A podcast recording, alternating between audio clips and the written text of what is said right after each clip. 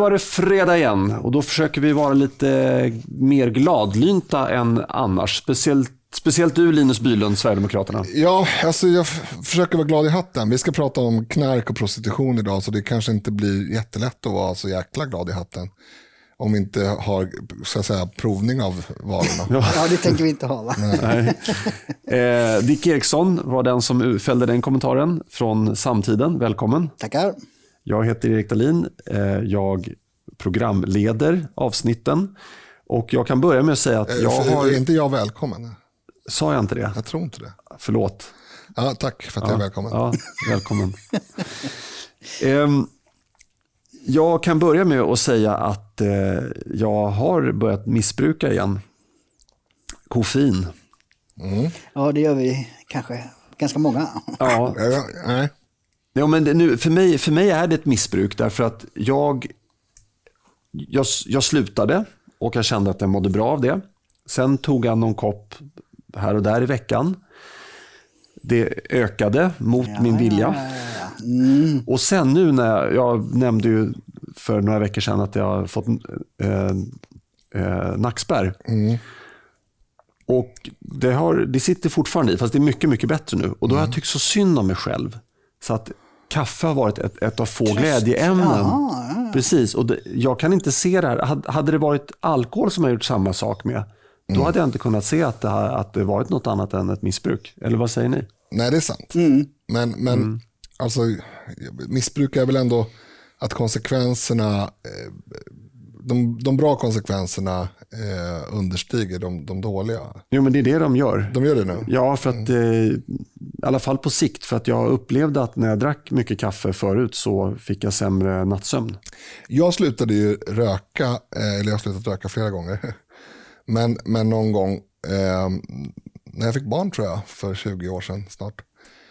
Och då ersatte jag eh, den här koppen, eller den här cigaretten efter morgonkaffet. Ersatte jag med en, en kopp kaffe till. Jaha. Och det funkade ganska bra. Men då blev det ju å andra sidan väldigt stort kaffebruk. Men det såg inte jag som missbruk för att det var så otroligt mycket bättre än alternativet. Mm. Och det är samma med snus. Eh, nu har jag ju för gott slutat röka sedan ganska många år. Och det var ju på grund av snuset. Eh, och det är ju det är såklart inte bra, men visst är det bättre än alternativet. Det är tusentals gånger bättre än alternativet, eller tusentals gånger mindre dåligt än alternativet. Vi, vi, ska, vi ska komma in på det där om, eh, vad kallar man det för? Eh, ska, skademinimering. Mm. Eh, men jag vill bara berätta en anekdot. Jag såg en intervju med Hoa Hoa Dahlgren på ja. 90-talet. Tut, tut. Precis, de som är yngre än 35 kanske inte vet vem han är, men han var ju eh, styrkelyftare och lite sådär profil. Då frågar de, ja, vad äter du till frukost? Eller vad, vad, hur ser din frukost ut? Ah, det är en eh, kopp kaffe, cigarett och en porrtidning. och då kom vi in på det här. Nej, det kommer vi inte alls. Vi, vi, ska, vi ska prata om det, eh, kan jag säga. Om, eh, det lovade vi att vi skulle göra i onsdagens avsnitt. att vi skulle prata om det så som idag, fredag nämligen eh, den här kände mannen Paolo Roberto och hans förehavanden. Så att vi ska prata först lite droger, drog, eh, narkotikapolitik och sen när vi kan det så ska vi gå över på prostitution.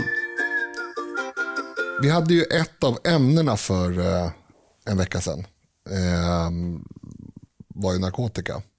Och det, jag, jag, vet att eh, innan vi sände så sa Erik att eh, det här är ju ganska dumt att vi har det här som ett av ämnena. För det borde ju vara ett ämne för åtminstone ett avsnitt. Ja, det var, det var ett lyssnarmail. Det var ett lyssnarmail, mm, så var det. Så var det. Förra fredagen, precis. Ja, och, det, och det blev ju så också. Det, och det, eh, den diskussionen blev ju ofullständig. Och jag kände ju Eh, Eh, när vi var klara att det här var inte färdigt alls. Och därför så skrev vi också det i eh, inlägget på Facebook att eh, den diskussionen var oavslutad. Och vi har också fått ett mejl som indikerar ungefär samma sak. Att ni pratade inte till punkt och ni var inte klara. Framförallt kände jag att jag, min önskan att eh, ut, jag uttryckte att eh, cannabis var en skitdrog. Eh, och det var inte meningen att, att eh, säga att cannabis var oproblematiskt utan snarare att det, det, finns väldigt, väldigt dåligt med skäl att ta cannabis. Eh, helt enkelt. Och det har ju ingenting att göra med huruvida jag tycker att det ska vara illegalt eller inte. Ehm, Men du, du, jag minns så väl att du sa att eh, ja, cannabis det är väl knappt en drog. Var, var det, det kanske var det Nej, som då, lyssnaren... Ja, det eh, kanske var det. Och, det, och meningen med det var ju att det, det är ju, jag vet inte, det, är, det, är det någonting att sträva efter? Jag, jag tittade på Jonathan Unges stand-up om, om droger och, och drogliberalisering och sa det är ganska konstigt att de har valt den sämsta drogen att kämpa för, för legalisering. Och det var lite det jag tog fasta på, jag hade precis sett den då. Men skitsamma, eh, min poäng var i alla fall att eh, jag tycker man, ska, man måste kunna hålla flera tankar i huvudet samtidigt. Jag har ju till och med lagt en motion i, i eh, ämnet cannabis när jag eh, var riksdagsledamot tillsammans med bland annat Marcus Wiechel och några andra. Eh, och, och den, den handlade ju om att det var väldigt eh, snårig lagstiftning där egentligen politikerna bestämde vilka sjukdomar som läkemedels, läke, läkarskrået tyckte var eh, eller, eller det var politikerna istället för läkarna som, som bestämde vad, vilka sjukdomstillstånd som man skulle kunna Ja, forska på behandling. Både forskning från svensk sida men även utskrift av preparat. Och, och jag menar, det är ju helt galet att ha en lagstiftning där, där eh, opium, alltså heroin och annat eh, besläktat med, eh, är varannan läkemedelstablett i princip eh, som du får utskriven. Eh, medan cannabis som är en, eh, i sin grundform mycket, mycket mindre problematisk drog jämfört med opium eh, inte har samma möjligheter. så att säga. Eh, och, och, ja, så att jag, är inte, jag är inte rigid motståndare mot liksom, cannabis i medicinskt syfte, men det är inte jag som ska avgöra det som politiker, utan det ska i så fall läkarskrået göra. Ja. Mm. Har du något att tillägga där, Dick? Nej, men precis. Nej, men det, det, det, det som gör eh, narkotikadebatten så laddad är ju de moraliska eh, undertonerna, så att säga. Vad, eller de negativa effekterna på vissa människor som inte kan hantera det. Mm. Och då är frågan det, ska, eh, ska det då vara eh, ja, till och med så förbjudet att det inte ens får användas som läkemedel Mm. när det är, är bevisat. Jag, jag tycker diskussionen är eh, den är så svår för det beror alltid på vilken ingång man själv har eller var och en vilken ingång den, den personen har. Och man hamnar väldigt lätt i, i missförstånd. Jag, jag förstår de som eh, är föräldrar eller syskon till någon som har eh, knarkat och hamnat i, i heroinmissbruk. Att, att de ser ju det som den värsta eh, drog som överhuvudtaget finns. så att säga. Jag, jag och har full respekt för att de, de vill eh, naturligtvis eh, hindra alla sådana situationer. Men samtidigt så är det ju så att vi vi som människor, särskilt när vi är vuxna, så är jag ju väldigt stark förespråkare för personligt ansvarstagande.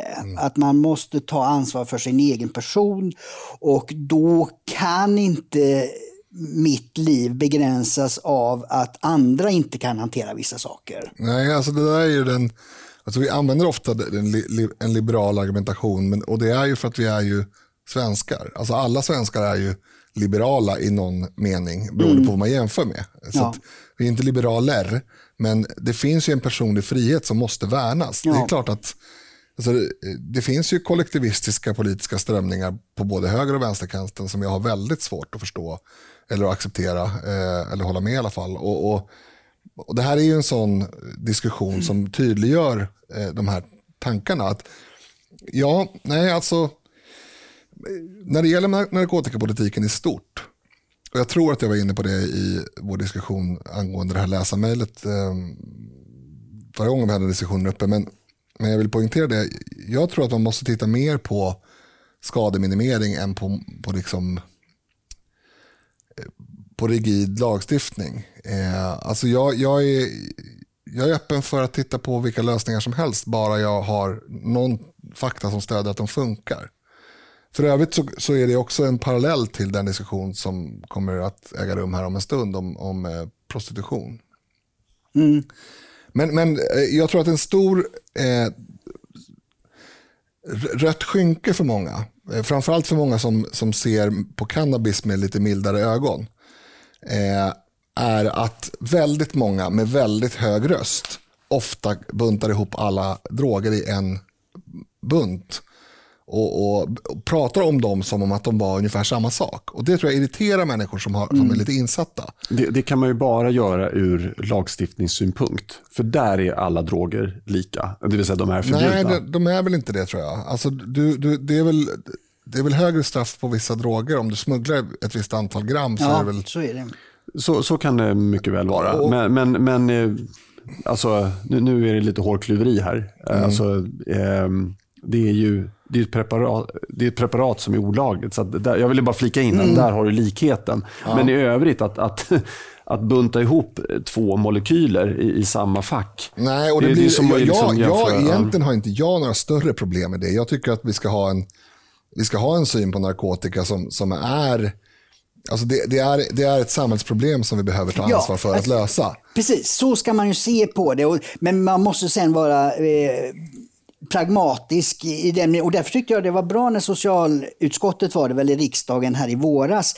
Alla åtta partierna ville ha en utredning om avkriminalisering mm. av eget bruk. Mm. Men eh, Lena Hallengren sa nej, det blir ingen utredning om det. Okay. Och, och, det tycker jag är jävligt tråkigt. Va? För att det är som sagt, en, en man måste ha en program... Pro, eh, eh, en pragmatisk syn på de här frågorna eftersom det just är så väldigt olika eh, reaktioner hos olika människor på när man kommer i kontakt med det här mm. och hur man klarar av att hantera det. Och det gäller ju för övrigt även legala substanser såsom framförallt alkohol. Ja, till exempel. Men det, är väldigt lustigt det här att jag tror, jag tror att eh, det här påkallades eh, av Folkhälsomyndigheten. Att det var, det var de som mm. Eh, Just det, tog det stämmer. Det, ja, ja. Att vi, vi, vi, måste, vi måste utreda det här. Mm.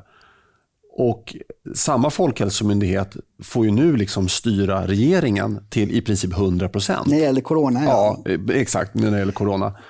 Och då säger regeringen att ja, vi gör det här. Vi, vi, vi fattar de här besluten därför att vi måste lyssna på experterna.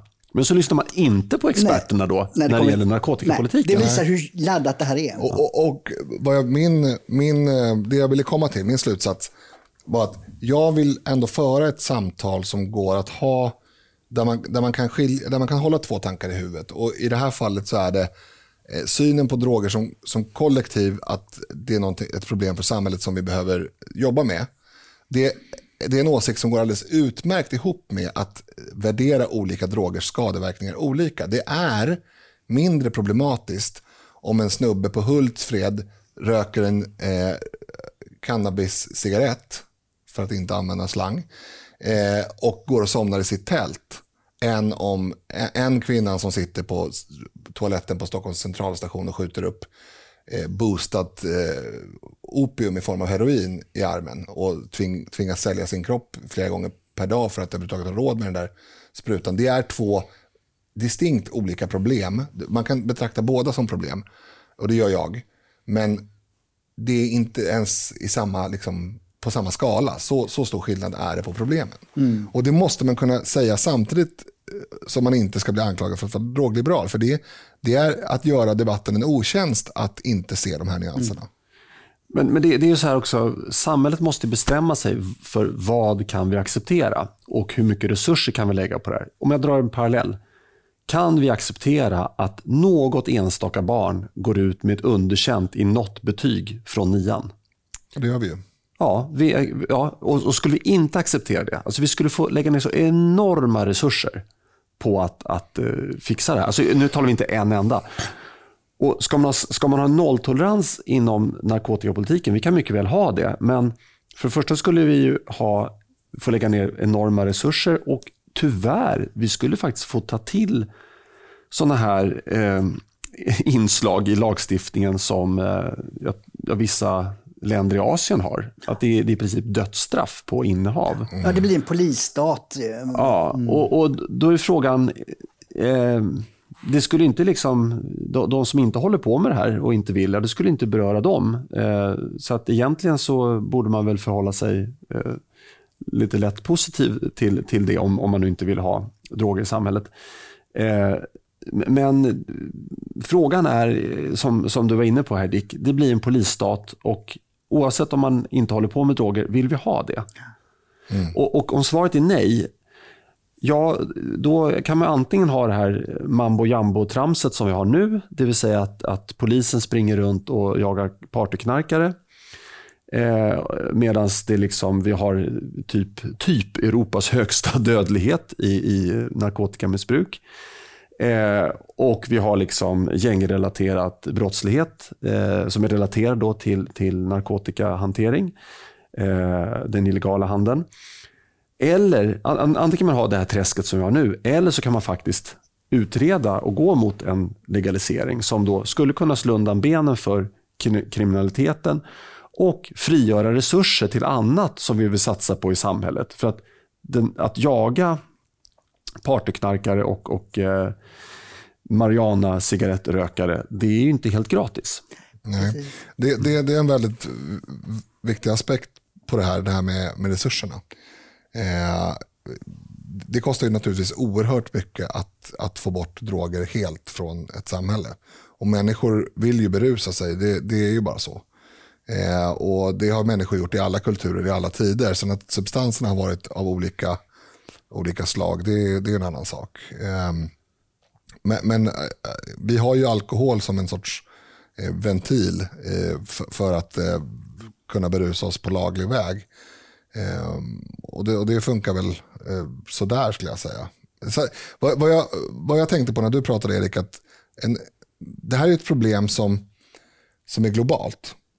Och för en gångs skull så kan vi försöka dra fördelar av det. Därför att det finns ju naturligtvis miljontals, höll jag på att säga, men tusentals, hundratals i alla fall olika eh, tillvägagångssätt. Eh, inte bara in, nu i världen, utan eh, det har praktiserats. Ett antal olika strategier för att få bukt med, med drogrelaterade problem i respektive samhälle.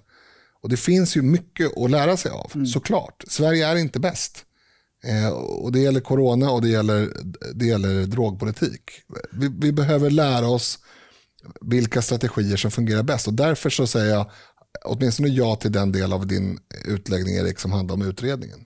Mm. Mm. Precis, alltså det, vi, vi, kan inte ge några exakta svar men vi måste ha alla fakta på bordet. Och det vi tog upp i onsdagsavsnittet som jag tycker är viktigt, det, det, är att man måste vara ärlig i, i det här och inte låta ideologer eh, forma faktaunderlag och informationsflöden utan vi måste ha verkliga fakta på bordet och eh, titta på vilka eh, metoder som fungerar bäst för att mitt mål är ju att naturligtvis så måste man, de som eh, inte kan sköta det här, de, de är, eh, skulle man kunna säga, precis som med alkohol, att det är en sorts sjukdom. Mm. Att eh, om man är beroende av heroin och andra saker och inte kan eh, hantera det där, att det, det går som det ofta finns i, i antidrogkampanjer, eh, liksom att det börjar lite grann och så blir det mer och mer och mer och till slut så tappar man greppet. Det, det är en sorts eh, sjukdom eller vad man nu ska kalla det. det man kan, klarar inte av att hantera det. Och de människorna passar ju, eller hör ju liksom inte hemma i fängelser. Nej. Men det är så idag. Alltså, jag kommer ihåg själv när jag var eh, nämndeman, jag vet inte exakt hur det ser ut nu, men det, det här var, var ju på 80-talet då. Då var ju straffen, i, fängelsestraffen i antal år var ju väldigt höga när det gäller ganska lite handel med narkotika jämfört med att grovt misshandla och halvslå ihjäl en person. Mm. Och jag tyckte inte det, jag kände inte det att det var moraliskt rätt och det tycker jag de, de som är väldigt för hårda straff för narkotika borde tänka igenom lite grann. Är det eh, lika allvarligt att, att eh, bruka och, och, kanske också då i de fallen har det varit att man har sålt lite grann ofta för att för, finansiera, finansiera det hela. Med att halvt slå ihjäl och göra en annan människa handikappad. Mm. Och jag tycker inte det är det. För att om man eh, missbrukar själv och gör sig själv illa och säljer vidare till andra som gör sig själv illa. Det är naturligtvis moraliskt förkastligt. Men där finns det ett element av eh, frivillighet och eget beslut. Medan att bli halvt ihjälslagen är inte något som någon har bett om och inte något som någon ska behöva stå ut med. Där ska straffen vara avsevärt mycket högre. Mm. Men så är det inte idag. Jag, jag, lyssnade på en P1-dokumentär, jag tror att det var ungefär ett år sedan. Eh, det handlade om en person som jag tror att han hade sålt GHB. Mm. Eh, eller om det var möjligen de här väldigt starka eh, op opioidtabletterna eh, som liksom används för att eh, bedöva elefanter. Mm. och den här personen då hade sålt och eh, de som hade köpt några av dem, hade en, jag tror en hade dött och någon annan kanske var nära att dö. Och så. Man måste ju ha någon ja. form av spruta. Liksom, Precis, men det, mm, det tycker ja. jag är en annan sak, för det, det är ju en eh, falsk eh, marknadsföring eller vad man ska säga. Eh, för de, det var inte två bröder, att de blev dömda för eh, inte medhjälp till mord, men eh, vållande till annans död tror jag. Ja, jag något. Och, och, och, det tycker jag är helt rätt. Alltså, där har man sålt någonting som inte fungerar, någonting som är eh, liksom... Ja, under, under manteln att det här är en bra drog. Ja, precis. Men, men, jag, men det, är en, jag, det tycker jag är en annan... Ja, men, jag, jag, bara, får jag bara bryta in här? Jag tycker ja, att det finns en distinkt skillnad mellan att bruka och att eh, distribuera. Mm. Även om jag förstår att det finns brukare som säljer lite här och där för att få råd med sitt eget missbruk. Men, men det åsido, alltså, jag tycker ditt resonemang eh, Dick är värt att tänka på. Men jag vill lägga upp en, en potentiell eh, reaktion. Alltså, jag har mött väldigt många människor i mitt liv som reagerar väldigt starkt på det här att man kallar alkoholism för en sjukdom. Mm. Eh, och jag var en av dem för kanske 20 år sedan eh, som tyckte att det var helt förkastligt att ens säga. Men jag har nog landat i att alltså, diabetes till exempel, diabetes typ 2, det är i princip alltid självförvållat. Det är en sjukdom för det. Mm. Eh, jag ska säga i princip alltid, för det är inte alltid det. Man kan drabbas av diabetes typ 2 eh, trots att man eh, lever ett sunt liv och tar hand om sig. Men nästan alltid så är det en konsekvens av att man sabbar sin bukspottkörtel med, med dåliga kolhydrater och dålig, dåliga träningsrutiner och annat. Och då, och då måste man ställa sig frågan, är diabetes typ 2 en sjukdom? Eh, nej, det, det, skulle man inte då säga om man hade den här retoriken. Så jag har landat i att ja, har man ett substansbruk miss, som har blivit ett missbruk, som har gått till den grad att man inte kan ta sig ur det, då är det att betrakta som en sjukdom. Sen om man vill använda ett annat ord eller inte, det, ja, det, det var det jag var lite tveksam till, för jag, jag, skulle vilja ha ett eget ord för ja, det. Ja, exakt. Mm. Det var en bidiskussion, men jag tror att den är viktig att göra. För att jag tycker inte att det jag tycker att det är mer synd om en person som har drabbats av bukspottkörtelcancer helt eh, utan egen, egen liksom inblandning i det än en person som har eh, rökt eh, rökheroin tills den har blivit så beroende att den inte kan sluta.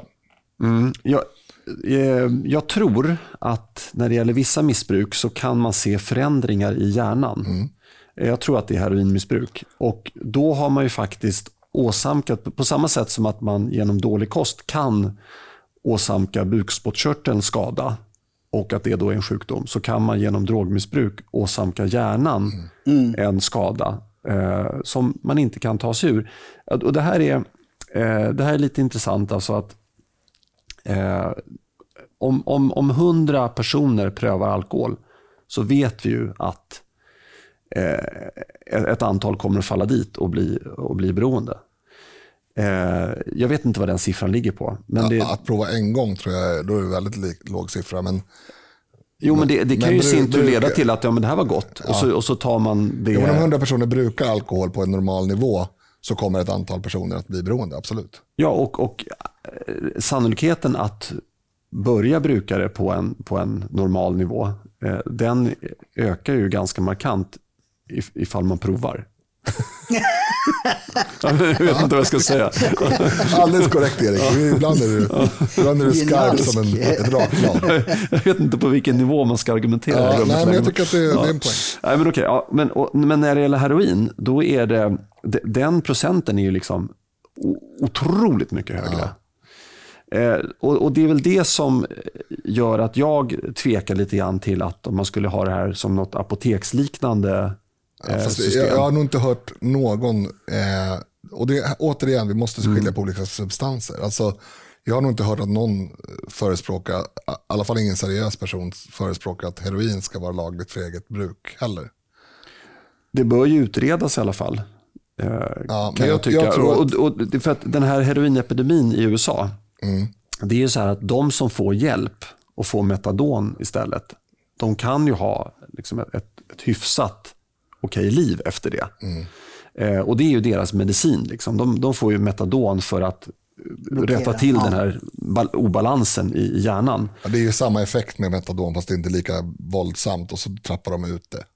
Ja, och antagligen så blir det inte samma tillvänjning heller. Nej. Eh, Men, men alltså det vill säga att man, eh, eh, man blir väldigt, man blir tydligen eh, inom citationstecken immun mot, mot eh, heroin i den, med, i den bemärkelsen att Man får en ökad tolerans. ja, ökad tolerans. Ja, Tack. men det får tack. man ju för alkohol också.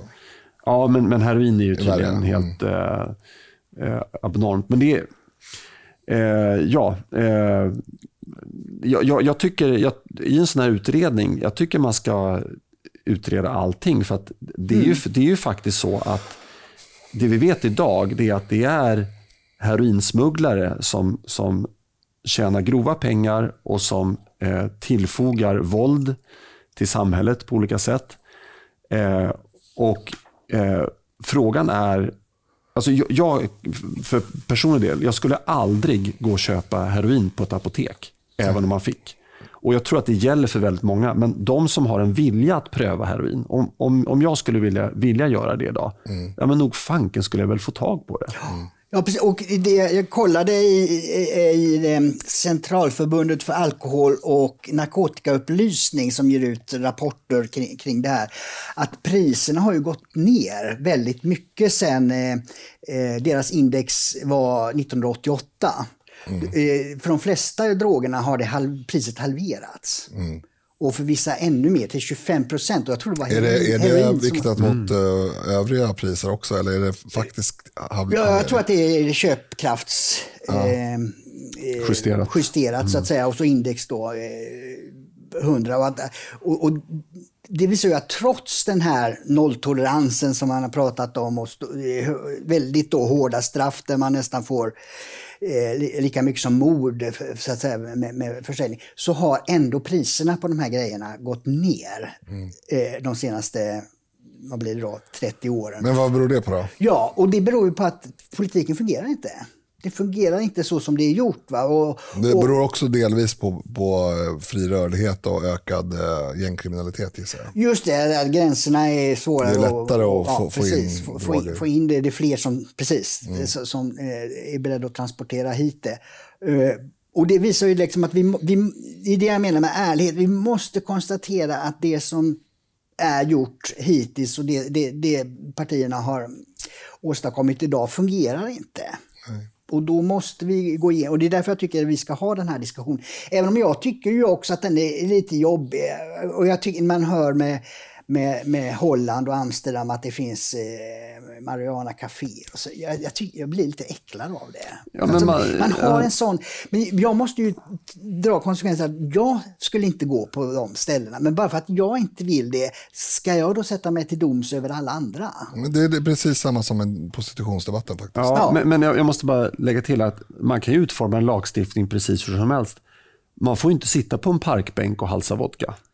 Nej, just det. Precis. Och det är det jag menar. Man måste komma till eh, kirurgiska grepp kring varje drog, varje situation, varje, för att minimera. För det är ju det som är målet. Det tror jag att alla är överens om. Att man ska minimera användandet av den här eh, manipulationerna av vår kropp, eh, preparat som manipulerar. Minimera det. Men vi måste erkänna att det går inte att stoppa det. Nej. Nej, och, och man måste lägga mycket mer energi på att få folk att... Du, du var inne på det förra gången Dick. Eh, det var en lång utläggning som jag höll, höll med om, men kanske inte alla uppfattade slutsatsen. Jag vet inte. Men, men i alla fall att eh, det här bottnar ju i eh, att man kanske inte har det lyckliga liv man har föreställt sig. Jag, jag läste en annan undersökning om eh, råttor. Då hade man eh, två burar. En bur med massa gungor och liksom snurror och allt vad det var. En väldigt gångar, en väldigt stimulerande miljö då eh, för råttorna. Och i den andra buren så eh, var det bara helt sterilt. Och i båda burarna så eh, fick de tillgång, eh, fri tillgång till kokain. Ja. Och i den buren med ostimulerad miljö, där knarkade de ihjäl sig. Eh, Men det gjorde de inte i den andra. Nej. Och det här kan man översätta på människor tror jag. Jag tror att människor i generellt, det finns alltid undantag, men generellt människor som känner att de har ett stimulerande liv. Mm. De, de tror jag kan prova droger och sen så tar det för vad det är. Inte heroin, det, det, det är ett undantag. Ja, det finns, men, det finns flera ja. substanser som är ja, och, dels extremt mm. beroendeframkallande men också kan vara dödliga om du provar. Mm. Ja, så, precis. Exakt. exakt. LSD-trippar som har gått, ja. gått överstyr som folk hoppar framför ett tåg för att de tror att det är en mjuk madrass. Det behöver inte vara ett bruk mm. som har förekommit eller för, föregått länge utan försiggått länge utan det är exakt. Kan första gången. Ja, men exakt. exakt. Men jag, har ju, jag hade en, en, en gammal vän som eh, rökte marijuana lite då och då i, sin, i sina yngre år. Det, mm. det gör han inte idag. Och, och, och, det, jag kan förstå det för att han har ett väldigt innehållsrikt liv och, och sådär. Och, mm. och, han behöver inte det där. Nej, just det. det är också kopplat mm. lite, det är bra att vi får med det även i det här avsnittet, till den här, eh, som jag inledde med om jag inte minns fel när vi pratade om det förra gången, att jag, jag tror att botten i narkotikaproblemet och alkoholproblemet är psykisk ohälsa. Mm. Eh, I väldigt stor utsträckning i alla fall. Att det är där vi måste börja. Om vi måste börja med trångboddhet och utanförskap när det gäller kriminaliteten i allmänhet, precis som du var inne på Erik i onsdags, onsdags ja. mm. så måste vi börja i den, med den psykiska ohälsan när det gäller drogerna eh, specifikt. Och jag tror också det som är min eh, käpphäst, det här moraliska perspektivet, att det måste vara konsekvenser när man gör fel. Mm. För det, det, skapar faktiskt ett mer innehållsrikt liv. För, för jag tror att många av de här unga som håller på och, och går överstyr, de söker spänning och utmaning och det finns inte i det normala livet. För där kan du göra massa fel hit och det får inga konsekvenser. Mm. Och jag tror därför det är viktigt att man tidigt har konsekvenser, bestraffningar, eh, förlorade förmåner och annat när man gör fel. Mm. Och det är med med kirurgiskt system att man måste i alla situationer, i alla fall när det gäller det, det som styrs av staten, ha ett väldigt pedagogiskt uppbyggt system. Och jag, jag vill eh, jag, jag skulle vilja avsluta. Ja, så men då vill jag avsluta kanske... min del. Ja, precis. För mm. jag, vill, jag vill säga så här att om 20 år, om vi låtsas att, eh, eller vi, vi struntar i vilka droger som eventuellt kan bli legala och inte. Vi, vi, vet att om 20 år så kommer det sannolikt förhoppningsvis vara så att ett antal substanser är olagliga. Men då måste vi förstå att det är distributionen man ska ge sig på mm. primärt. För, för, att få stopp på någonting så måste man göra det. Alltså det, det, det är inte så att det ett halverat pris slår särskilt hårt mot langarna. För då tar de bara dubbelt så mycket i nästa last. Då, då köper ju de också antagligen billigare. Det är väl en världsmarknads, jag, vet, jag är inte så insatt. Men poängen är i alla fall att eh, det som är förbjudet måste man också eh, man måste upprätthålla den lagstiftningen. Det kan inte vara så att den enskilda person som har fastnat i någon typ av missbruk är den man ska jaga primärt. Utan det måste vara distributionen och de, de människor som profiterar på andra människors olycka. Mm, ja, men absolut, det är jätteviktigt. Men det är på samma sätt som att man får inte stå och kränga vodka från en baklucka. Min eh, avslutning här var mm. också kopplad till nästa. Det var därför jag sa den som jag gjorde. Ah, okay. Men då, då skulle jag eh, vilja bara flika in som en sista grej här. Att jag, jag tycker att man måste ändra retoriken eh, till eh, våra skolungdomar från att det här är livsfarligt, vi var inne på det förra fredagen, eh, till att fråga ungdomarna vad vill du göra med ditt liv? Den här paletten av droger, speciellt de, lättare, de kanske in, du kanske inte dör. Du kanske kan hålla på med det här i hela ditt liv, Eh, såvida inte du faller in i ett tungt bruk, missbruk. Men Eh, är det verkligen värt att kasta bort tusentals timmar på ett drogrus? Är det det du ser framför dig idag? Eh, och, och, och det, det, tror jag är... Eh, och, och, då tror jag nog att alla ärligt svarar nej. För det, det tror jag alla kan eh, föreställa sig. att ja, Okej, börjar jag med det här, ja, eh, då kommer jag kanske sitta varje helg eh, och röka på eller dra linor eller, eller vad det nu är. Är det verkligen det jag vill göra? Vill jag inte liksom fylla mitt liv mm. med, med något mer innehållsrikt? Mm. Och det tror jag faktiskt, och, då, och det kan man säga ärligt, ja, men provar du kokain, då är det ganska stor risk att du lä kommer lägga hundratals, kanske tusentals timmar av ditt liv på det här. Ehm, och Sen tycker jag också att man ska ta in för detta eh, missbrukare Eh, eller fråga dem, gör en enkät. Liksom, och fråga, ja, men, till, till gemene man, det är, ju, det är ju ganska stor procent ändå som har provat droger. Mm. Fråga, kan du rekommendera det här till någon annan? Alltså jag, jag tror att så gott som alla kommer säga nej. Jag tror det. Ja, Eh. Kanske inte bland de som bara har provat. Nej, men var, så gott som varför, alla- vad, vad gav det då? Liksom? Ja, Alltså, då, om jag skulle fråga dig, kan du rekommendera någon att ta en whisky? Eh, det är... Ja, alltså jag skulle nog svara neutralt på det. Eh, faktiskt. För att Ingen om, kommentar. ja, nej, men, nej, men alltså det, det, det, är en, det är så att säga...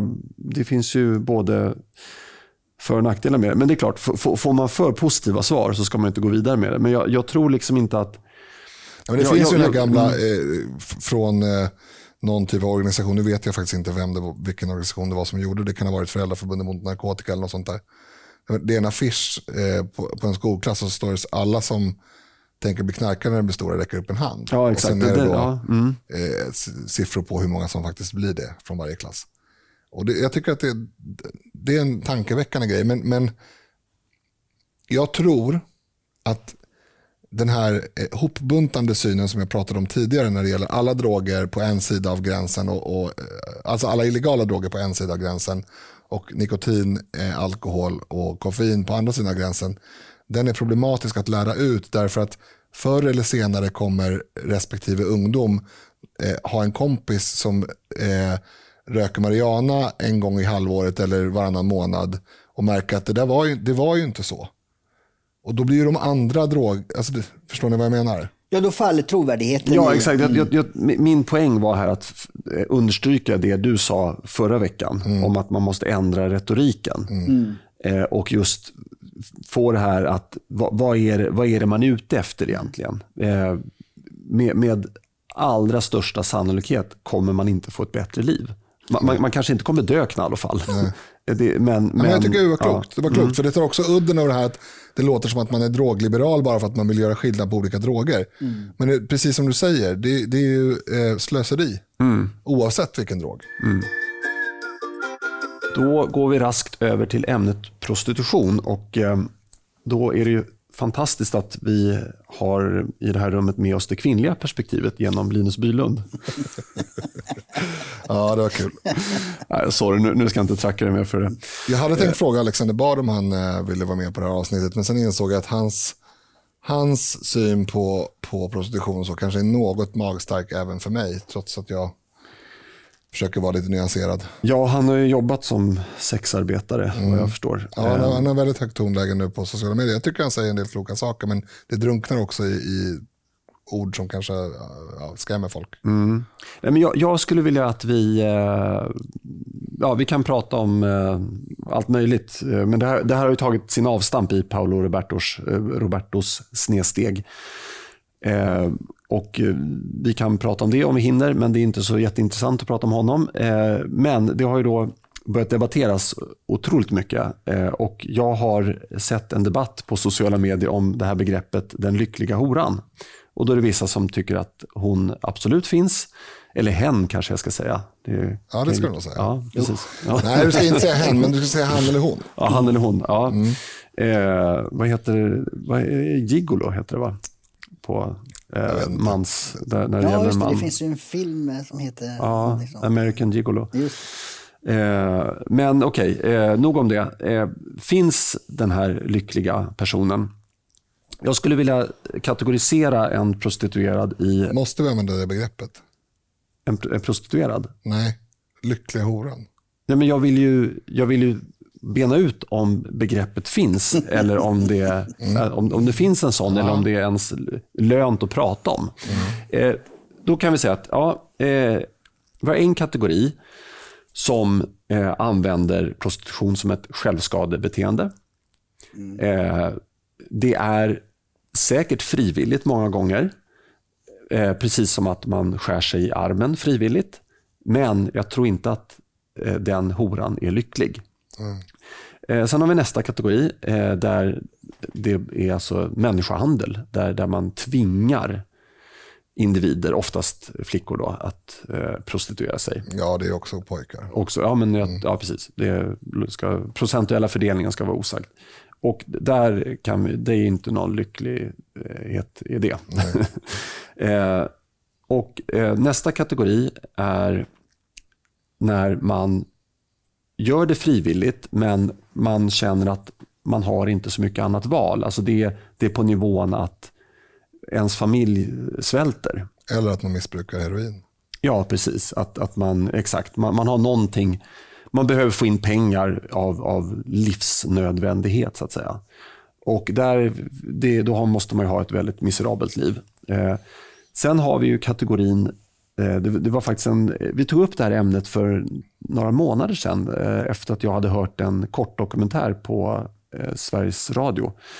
Där det var faktiskt en kvinna då i, i Sverige eh, som hade åtminstone sambo, men kanske till och med barn, jag kommer inte ihåg nu. Men, men hon hade gjort ett aktivt val att istället för att jobba 8 5 i, i fabriken på orten så åkte hon runt på helgerna och eh, tog emot kunder på diverse eh, mindre välräknade hotell. Eller vad man ska säga. Mm. Eh, och då eh, fick hon ju frågan då om hon var lycklig och då sa hon att ja, det är klart, hade jag fått de här pengarna utan att jobba alls så hade jag ju. Ja, precis. Eh, och den femte kategorin eh, undrar jag om den finns. jag ska dra en parallell med mitt eget värv. Eh, i den här podden. Eh, jag går hit utan eh, ersättning och jag tycker att det är kul. Jag, jag, jag gör det här jobbet för att jag tycker att det är stimulerande och kul. Mm. Och den kategorin, där tror jag, av de här fem kategorierna som jag rabblade upp här, jag tror inte man hittar någon prostituerad i den kategorin. Alltså att man, man går, ut, man, man går ser upp det på... som ett estetiskt, eller Eh, kreativt eh, arbete och bryr sig inte så mycket om pengarna. Nej, men man går upp på Malmskillnadsgatan och, för att man vill och liksom säger att Nej, men du behöver inte betala idag. Alltså det, det, jag, jag tror att eh, den... Den finns nog inte, nej. Nej, jag tror inte det. Nej. Och då menar du att, då menar du att eh, eftersom ingen av de andra kategorierna nödvändigtvis var lycklig så finns inte den lyckliga horan. Nej, jag ifrågasätter det. Eh, och, och, och, det var också därför mm. som jag ville problematisera begreppet. Mm. Eh, sen tycker jag att det är otrevligt att sitta och säga hora hela tiden. Så att, Sköka. Ja, men, men eh, jag tycker inte att jag ska sätta mig till doms över vilka eh, sätt att försörja sig på som gör någon lycklig eller inte. Det är mitt problem med begreppet. Förutom ordet, det, det andra ordet i begreppet så är även det här lyckliga är, eh, det är en, man, har, man har konstruerat det här begreppet i ett syfte. För att vi diskuterar ju aldrig om andra sätt att försörja sig på gör någon lycklig. Alltså det är ju det är inte politiskt intressant. Politiskt intressant är ju om det är ett eget val eller inte. För, om du förstår vad jag menar. Ja, eh, jo men och, och exakt. Där, där menar jag att det mm, finns mm. två läger. Eh, som jag helt vill bortse ifrån. Därför att jag tycker inte att deras röst är relevant. Och det är de som säger att det finns ingen som gör det här frivilligt överhuvudtaget. Det är alltid tvång och övergrepp. Och det andra läget är att det är ganska vanligt med, eller det, är inte så problematiskt för det är inte så många som blir kidnappade eller tvingade och sådär, utan det är ganska många som, som gör det här frivilliga. Båda de lägren tycker jag liksom har missat kärnan i det här, för det, de utopierna finns inte. Utan allting är ett mellanting. Och det är en väldigt stor skillnad mellan de olika grupperna av människor som säljer sex.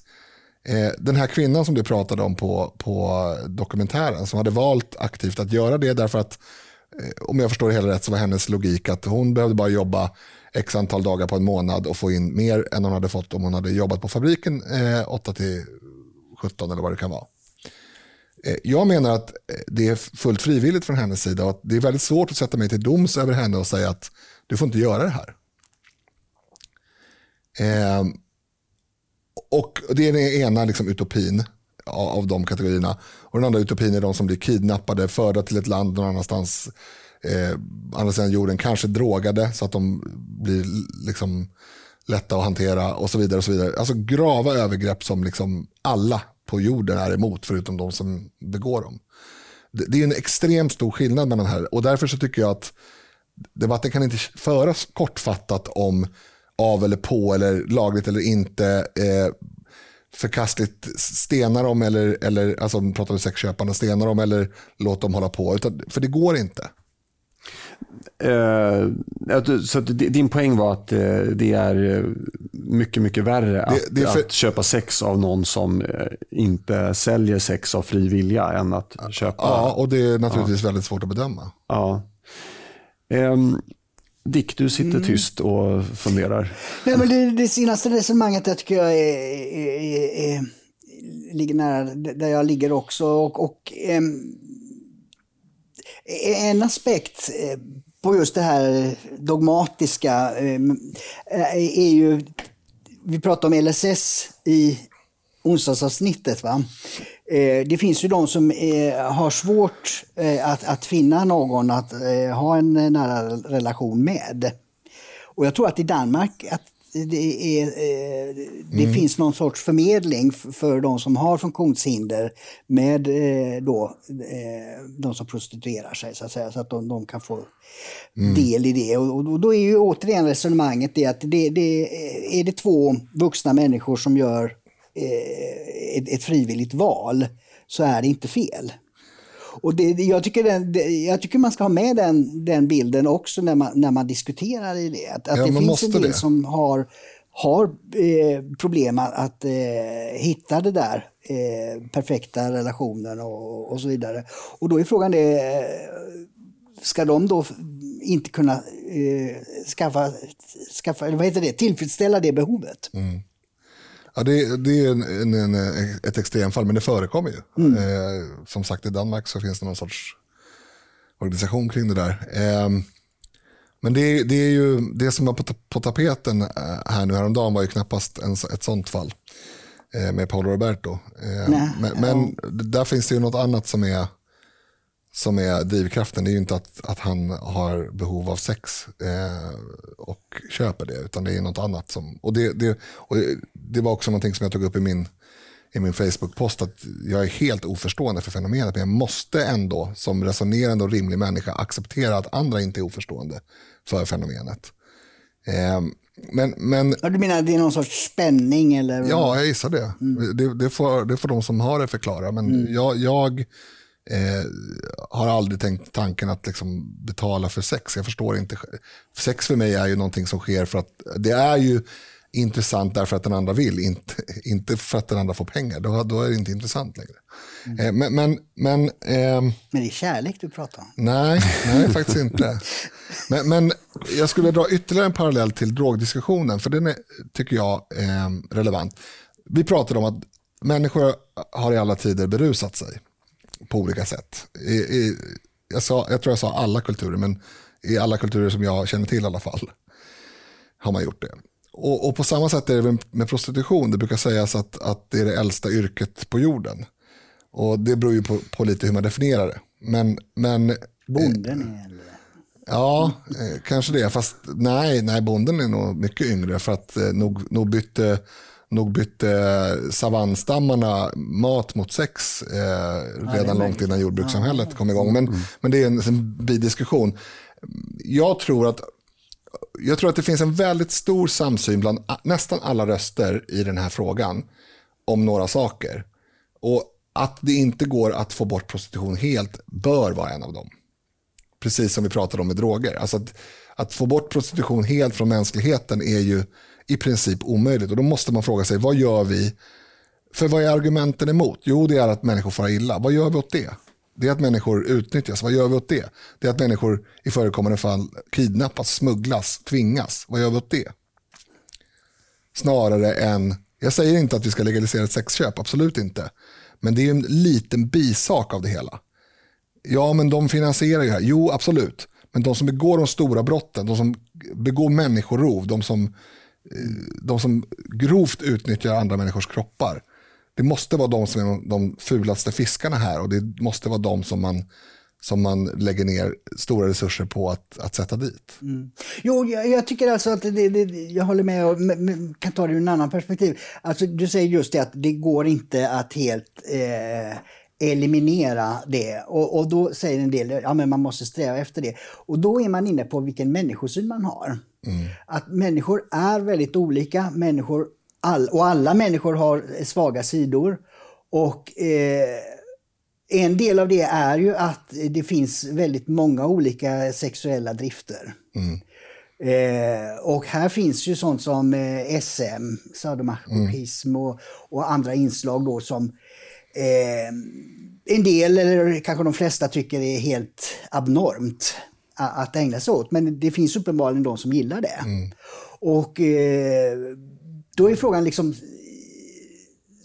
kan man förbjuda det? Kan man eh, stympa mänskligheten? Nej, men jag, jag sa i någon liknande diskussion mm. någon gång att jag, jag tycker att det är helt obegripligt att vilja gå omkring med en blöja och spela bebis eller vad det nu kan vara för rollspel. Ja, men, men, det är ju ingenting som gör att jag måste säga att någon annan inte får göra det. Nej. Och det, precis, alltså det, det är ju där vi tangerar då gränsen till det här eh, all brottslighet och, och, och eh, våld som finns kring, kring eh, prostitutionen till just den, den här andra sidan då att det, det, finns människor som både då har funktionshinder och så har svåra att hitta lösningar och de som har drifter då som är eh, ganska udda och obegripliga men som om man gör det i eh, frivilliga sammanhang är väldigt, eller jag tycker det är fel att sätta sig till doms över det. Det är ju många som gör det. Mm. Och sätter sig till doms över, över de människorna.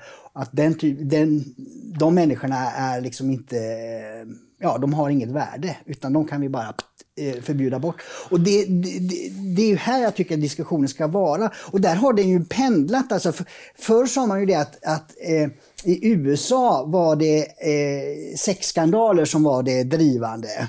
Medan i Sverige var det pengaskandaler som mm. var det drivande. Men med feminismen eller vad det är så har det, sexualiteten blivit väldigt politiskt i Sverige mm. också. Mm. Eller det, och det visar ju Paolo Roberto-fallet. Att det har blivit väldigt politiserat, mm. eh, sexualiteten. Och jag tycker inte om det. Jag tycker det tillhör den eh, privata sfären och man ska inte hålla på.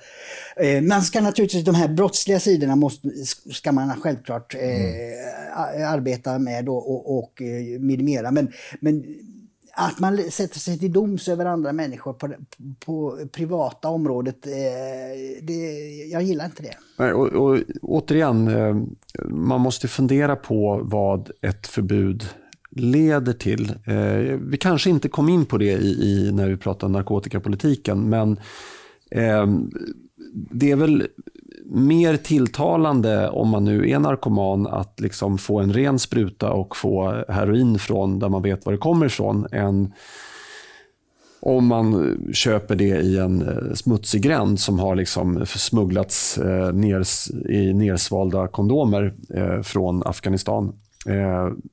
Men då är det ändå bara substanser som har smugglats och som dealas. I det här fallet, det man gör då om man, om man kriminaliserar köp eller, eller, försäljning, eller försäljning av, av prostitution. Det är ju att man flyttar det från liksom statliga bordeller då, som man har i Tyskland tror jag, eller kommunala eller hur det nu funkar. Ut till någon sorts liksom, eh, mörk smutsverksamhet. Mm. Och jag tror att det här faktiskt kan drabba kvinnorna.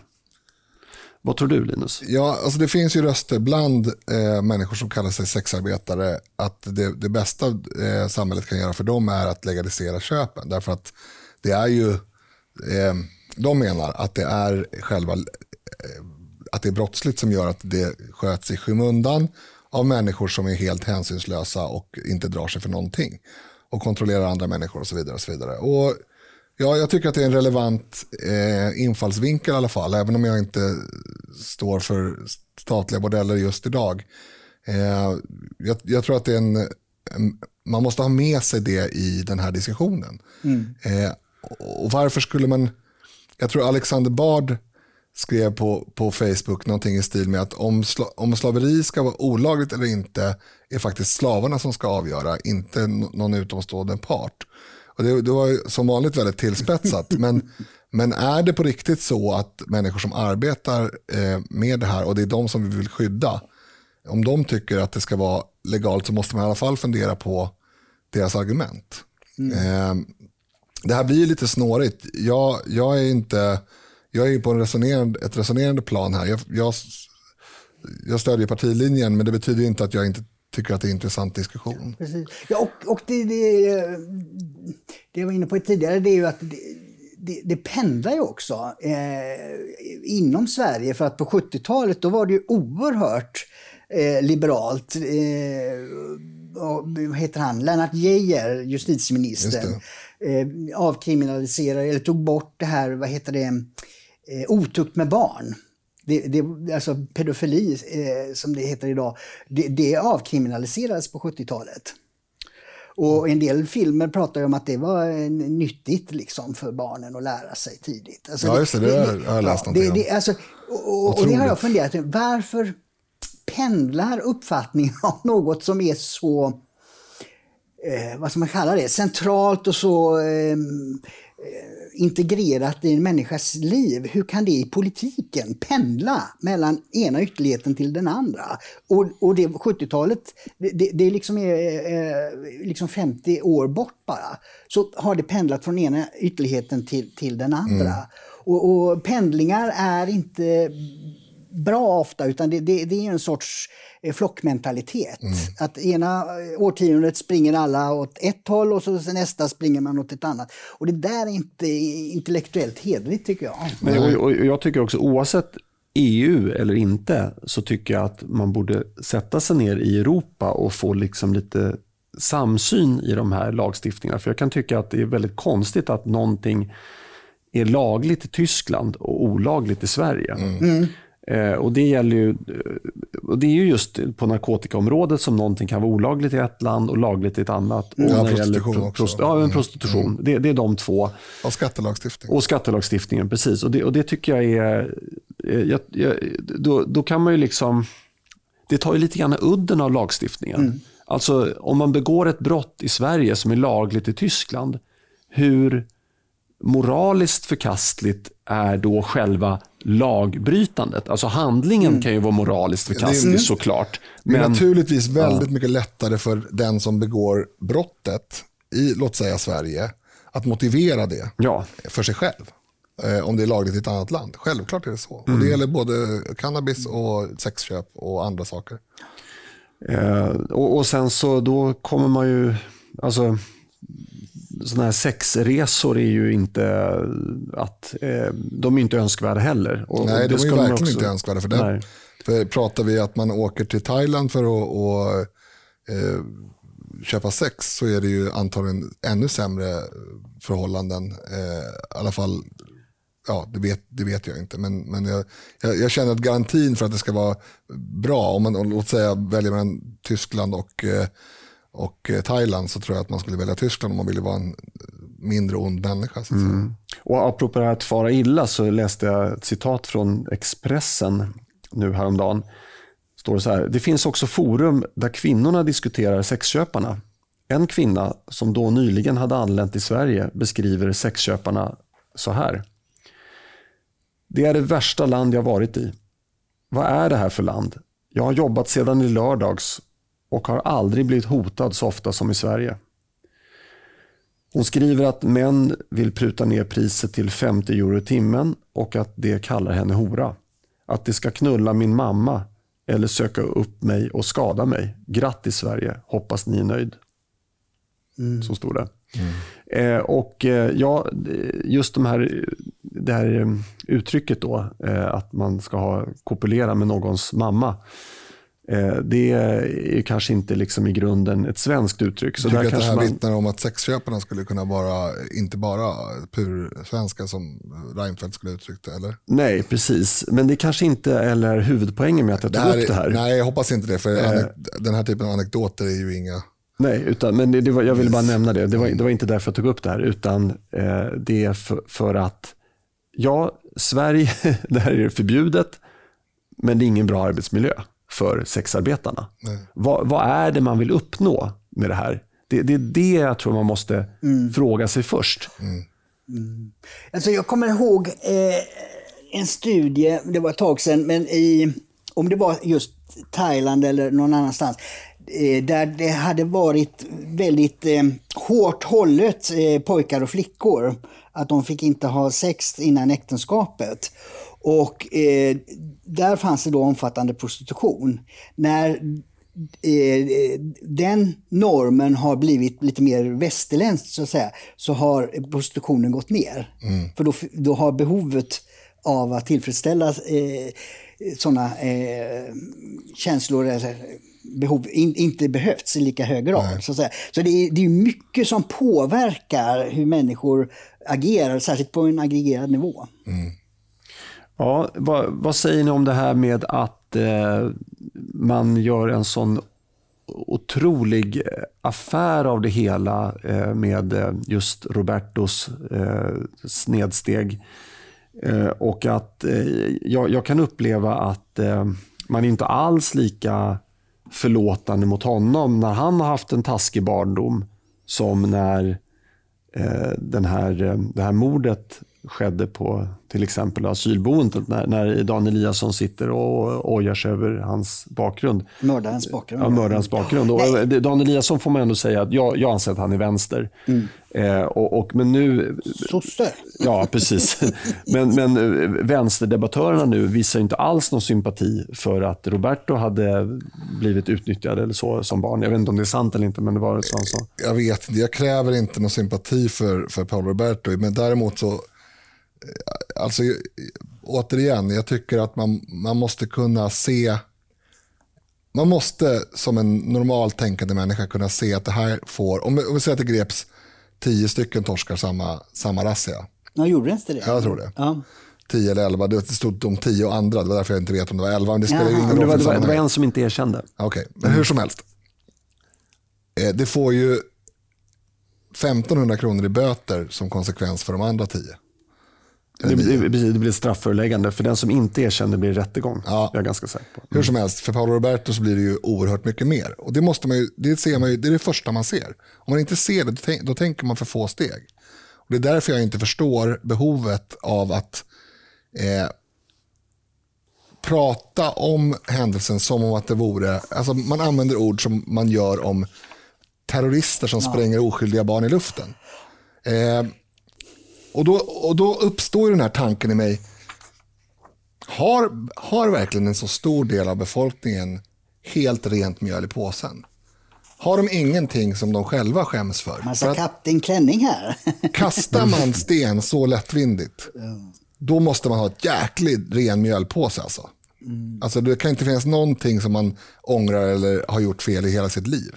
Men det verkar som om människor, eh, vi har ju sagt det tidigare, sociala medier är ganska nytt, det verkar som om man har ett behov av att rättfärdiga sig själv med att fördöma andras eh, övertramp. Och det kanske är en sorts lindring av eh, hantering av sina egna. Jag vet inte. Ja, jag, jag är inne på den linjen också. Jag, jag vill inte säga att det stämmer. Men, men jag tycker som, som, då, som sagt är gammal nämndeman så tycker jag det är, man borde diskutera relationer mellan eh, straff för olika saker och du var inne på det Erik.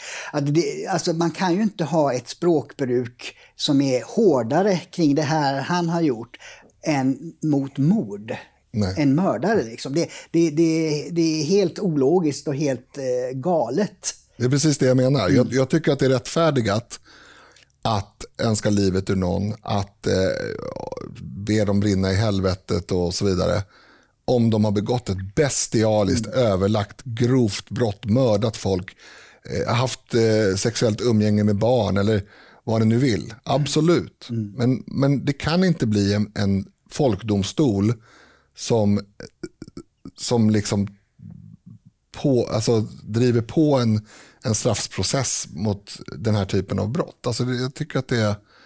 Jag tycker att det jag blir illa till mods och det var därför jag reagerade. Jag blir illa till mods därför att människor som jag respekterar och, och tror gott om reagerar som en, som en pöbel för att positionera någon sorts, jag vet inte vad. Men alltså, jag kan säga att om den, om den här eh, mobben då, eh, om, om, om det skulle, om, om deras liksom, höga eh, tonläge skulle leda till att eh, män slutade gå till prostituerade, då ska jag tycka att det är ju jättebra. Alltså, Då har man uppnått ett syfte. Ja. Ja, höj, höj tonläget ännu mer i så fall, eh, så att det sker snabbare. Men det kommer inte bli så. Nej. Eh, så att vänstern, det är ju deras, eh, det är ju liksom, genomsyrar ju hela deras gärning. Att de, de liksom slår med enorm kraft mot kapitalister. Mm. Drabbar det kapitalisterna? Nej, inte nämnvärt. De kanske flyttar till Florida istället. Eller till Liechtenstein eller vad, vad det nu må vara. Det, det drabbar ju de som är längst ner på samhället. Ja, och, och, i det här fallet, ja man slår så in i vassen på, på Paolo då. Ja, det, det drabbar ju honom. Men drabbar det andra torskar?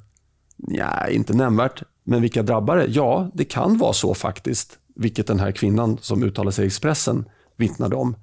Att arbetsmiljön för de som faktiskt väljer frivilligt att mot betalning eh, sälja sin kropp. Ja, hyra ut. Hyra ut sin kropp, ja. eh, det, det kanske är de som drabbas av vänsterns höga retorik, höga tonläge. Får jag fråga dig Linus, har vi tömt ut de här två ämnena nu? Bra fråga och svaret är ganska enkelt. Eh, vi kommer aldrig, som, vare sig som podd eller som mäns, delar av mänskligheten, att eh, helt tömma ut ämnena prostitution och droger. Det tror jag inte. Och, och, Det är bra att du frågar det, därför då får vi också sagt att det finns mycket som är osagt. Eh, och många aspekter som inte är täckta och många detaljer som inte har diskuterats. Precis. Och jag är ibland eh, lite eh, blir irriterad när, när, man nyanserar ämnen väldigt mycket. Eh, mm, som inte behöver ja. nyanseras, utan där går det att svara ja och nej det går att avgöra en, en, en, prioriteringsskala väldigt enkelt. Men de här två frågorna håller jag helt med om. Det, det går inte. Det, det, ligger så nära eh, människans in, inre drivkrafter att det, vi kommer aldrig kunna lösa det. Utan det måste hela tiden diskuteras och det måste ske eh, öppet och ärligt och med respekt för eh, att människor är olika. Mm. Och, och, Jag vill också komplettera där att förenklingar är det som är orsaken till att debatten inte är konstruktiv. Alltså att man förenklar för mycket. Man, det är för mycket svartvitt. Det är för mycket eh, det här är knark och det här är inte knark. Det är för mycket det här är prostitution, det här är inte prostitution. När vi pratar om egentligen skadeverkningar av delar av de olika fenomenen. Eh, ja, det var det jag ville ha sagt. Ja, nej, men som jag var inne på, som kanske får bli avslutande orden eh, i och med att jag är enväldig programledare. Mm. Här det är att man måste först sätta upp ett mål. Vad vill vi? Mm. Eh, vill vi minimera det här så mycket som möjligt som får till följd att kanske de som faktiskt väljer ändå att utöva yrket far illa? Eller vill vi, kan vi tolerera att det är lagligt och att de som väljer att utföra det här kanske har en bättre arbetsmiljö? Jag, jag, behöver inte lägga någon värdering i det här eh, idag, eller någonsin. Utan jag, jag, tror att de som eh, sitter på lagstiftande makten och i de politiska partierna måste börja där. Vad mm. är målet? Mm. Ja. De här tunga ämnena måste få en lättsam avslutning. för guds skull, gå inte ut och eh, låt dagens ämnen inspirera er helg. Nej, precis. Eh, utan gör något annat istället. Njut av det fantastiska vårvädret. Ta en öl kanske. Ta en öl, men med lite måtta. Ja, precis. Och njut av klämdagen som det faktiskt är. Just det. det var ju Kristi Himmelsfärds eh, Just det. Kristi eh, Det är många som är lediga igår, idag. Precis. Mm. Eh, men eh, ja, tack till er som har valt att spendera er klämdag, eller någon annan dag för den delen, eh, på att lyssna på samtidigt. Ni får väldigt gärna dela avsnittet i sociala medier eller kanske viska i örat på er bästa kompis att, ni ska, att den ska lyssna på oss. Där undvek du ordet hen också. Ja, bra, bra. den kompisen tänkte jag mm. eh, syftade på. Eh, tack Linus Bylund. Tack så mycket. Tack Dick Eriksson. Tackar. Och återigen tack till er som har lyssnat. Trevlig helg. Hej.